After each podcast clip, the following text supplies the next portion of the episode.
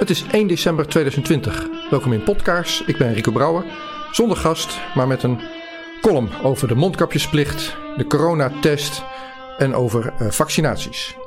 Ik ga zo meteen op pad voor een interview over vaccinaties. Dat komt dus ja, later vandaag, morgen uh, online als ik dat gemonteerd heb. Eerst over die, uh, zo, over die mondkapjesplicht. Die gaat vandaag in. Je kan geen boodschappen meer doen of naar het ziekenhuis of andere plekken waar je je kwetsbaar voelt. Je moet wel eten en als je ziek bent wil je naar het ziekenhuis. Dat kan niet meer zonder dat je zo'n ding voor je mond doet. En uh, mensen zoals ik mopperen daarop en zeggen: wacht even, dat is toch tegen de grondwet, de vrijheid om je te kleden, om je te gedragen zoals je dat zelf wil. Dit is het ding met die mondkapjesplicht en met de grondwet, de recht op vrijheid. Jouw recht op vrijheid houdt op waar je in de vrijheid van iemand anders treedt. Dus je mag met je armen wapperen, maar niet zo dat je iemand anders in zijn gezicht slaat, zeg maar. En je mag dus kleden zoals jij je wilt. Um, maar je mag niet bepalen wat iemand anders aan moet. Daar zit het ding in en dat is wat we nu wel gaan doen. Hugo de Jonge zegt: Wil jij eten? Wil je naar de supermarkt? Dan moet je je kleden zoals ik dat zeg. En uh, ja, dat gaat dus niet. Dat is tegen de grondwet. Mensen zeggen dat. Um, dat dat. Um, oh, het is toch een kleine moeite. Um, daar gaat het dus niet om. Het gaat erom dat je van overheidswegen iemand anders een bevel geeft om zich op een bepaalde manier te kleden. En het argument daaronder vind ik niet zo relevant. Ik ga het erover hebben, maar um, die grondwet is er niet voor niks. Er is geen argument onder. Op het moment dat er een ziekte zou zijn waar iedereen aan dood ging, dan hielden we ons daar wel aan als er een maatregel tegen was. Dat is hier niet aan de hand. Um, het recht op gezondheid. Ja, de overheid moet zijn best doen om, om een gezond klimaat te maken voor ons allemaal. Maar dat betekent niet dat ze andere grondrechten daarvoor moeten inperken. Sterker nog, daar moeten ze dus ook voor opkomen. Er is een petitie. En dat is een grote petitie, een van de grootste die nu open staat. Uh, geen mondkapjesplicht. En de persoon die hem gestart is, een aantal maanden geleden al, uh, onder pseudoniem Jan Vliegensvlug, die durft de petitie niet in te leveren. Het debat om die mondkapjes is zo gepolariseerd en in zijn omgeving is het not done om ja, om, om voor die petitie op te komen. Dus hij durft het niet. Hij wil het niet. En ik kwam met hem in gesprek en ik zeg, nou, dan zal ik hem voor je inleveren. Want voor mij is het heel simpel met die petitie en met het bevoegd gezag, de Tweede Kamer, waar ik hem ga inleveren. Uh, zij mogen niet aan dat grondrecht komen. Doen ze wel met die, met, met, met die mondkapjesplicht. En um, we zullen zien hoe gepolariseerd het debat is op het moment dat je het terugbrengt tot dat ene punt de overheid mag jou niet verplichten uh, tot een dresscode als jij eten wil kopen voor je kinderen. Het argument van de overheid daaronder, onder die mondkapjesplicht, is uh, ja, voor de volksgezondheid. Er is toch een groot virus en uh, kan je dat nou niet opbrengen voor de ander? Los van of die mondkapjes het doen of niet. Uh, los van hoe, hoe erg ze helpen in het bestrijden van het virus. Um, daar mag je het niet over hebben. Ik kan dit filmpje wat ik nu maak niet op YouTube zetten. Ik ben van YouTube geblokkeerd. Ik noem dat, ik zit in de YouTube-gevangenis. En dat komt omdat ik een gast heb gesproken die kritisch is op die mondkapjes. Die zegt, mondkapjes in zichzelf zijn een gezondheidsbedreiging. Als je dat zegt op YouTube, word je geblokt. Mijn gast was Colleen Huber. Uh, die filmpjes kan je wel op andere plekken vinden, maar niet op YouTube. Want ja, dan word je gewist. Kritiek op mondkapjes wordt niet geduld. Het argument onder die mondkapjes, het argument dat het zo erg is met dat virus, het argument dat er heel veel besmettingen zijn, dat komt weg uit die test die je overal kan doen. We hebben een enorme testcapaciteit in Nederland opgebouwd, de coronatest. Uh, die testcapaciteit is overal in de wereld opgebouwd.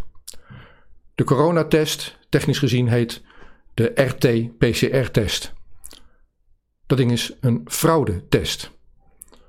In januari is een wetenschappelijk stuk geschreven, ingediend, de volgende dag meteen gepubliceerd en overgenomen. Daar zijn geen collega's geweest die daarnaar hebben gekeken. De schrijvers van het stuk zitten ook op de board, zeg maar. Ze zijn ook de, de, de publicisten van het orgaan van de Europese Unie die het gepubliceerd hebben. Schrijvers van het stuk zijn ook mensen van het RIVM en ook Marion Koopmans.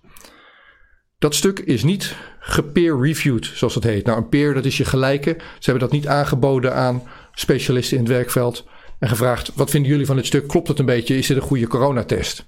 Hebben ze niet gedaan, ze hebben het meteen gepubliceerd. En overal op de wereld zijn we op basis van dat paper gaan testen. Specialisten hebben gekeken naar die test, naar dat paper. Dus die peers, zeg maar, die niet gevraagd zijn, die gelijken, die hebben gekeken naar, naar dat stuk en hebben gezegd: hier klopt niks van. Het is, het is een fraudestuk, het is misleiding, het is zwendel. En dit zijn mijn woorden. Wat zij hebben gedaan is gezegd: deze tien punten in, in, die, in dat ontwerp van die coronatest, daar klopt niks van. Dit is geen coronatest. Op basis van deze test kan je niks vaststellen. Niks dat te maken heeft met dat nieuwe coronavirus dat dit jaar in, in, eh, in het voorjaar voor die lockdown zorgde. Op basis van dat paper zijn de maatregelen ingesteld. Op basis van dat paper zijn die coronatests gemaakt. En vanaf juni rapporteert Hugo de Jonge, Mark Rutte, RIVM, GGD alleen nog maar op basis van die testresultaten. Ze zeggen dat het druk is in het ziekenhuis. Het is druk in het ziekenhuis met mensen die positief getest zijn. Alles draait om die testresultaten en die test is fraude. Hoe dat dan werkt in de wetenschap, als er een, een broddelwerk is toch is gepubliceerd, kan gebeuren, dan uh, kunnen mensen een retraction paper indienen. Een terugtrekkingsstuk. Dat is gedaan. Peter Borger is een van de uh, uh, schrijvers van zo'n retraction paper en dat is vorige week ingediend. En is, hij zit nu te wachten. Hij is in afwachting op antwoord.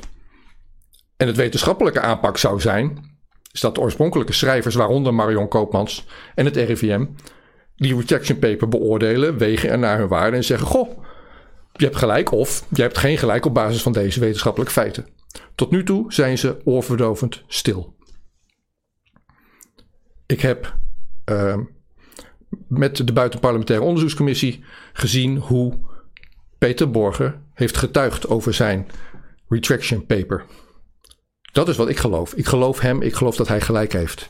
En ik geloof dat de enige weg vooruit een inhoudelijke reactie is van het RIVM, Mario Koopmans. En van al die mensen die nu uh, de coronatest voeren als beleid. Hugo de Jonge, Mark Rutte.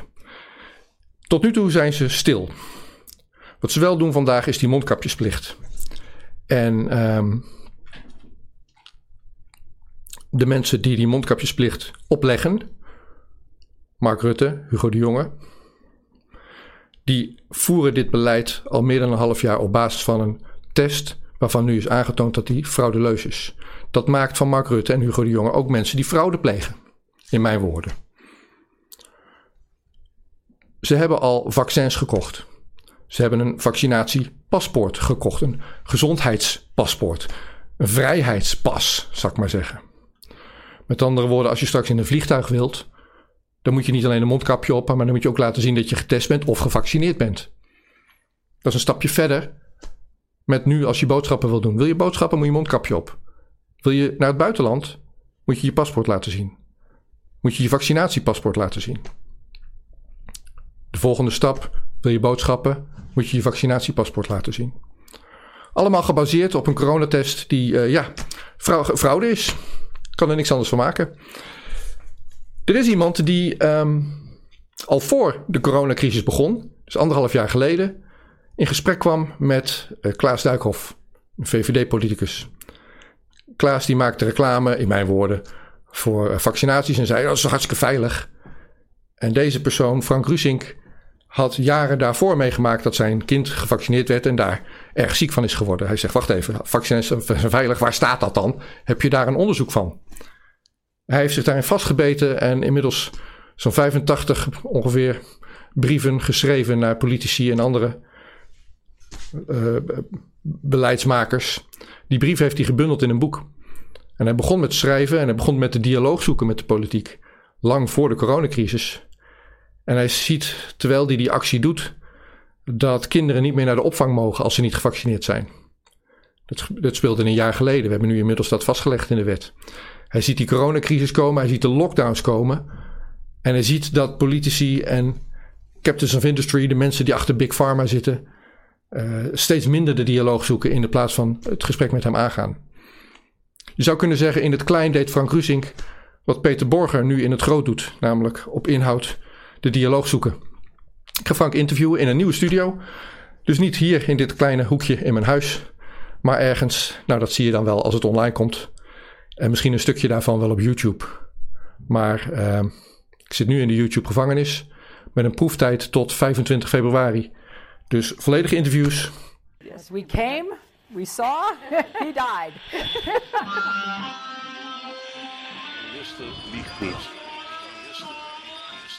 Every nation in every region now has a decision to make. Decision to make. Decision to make.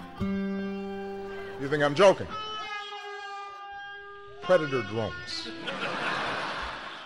You will never see it coming.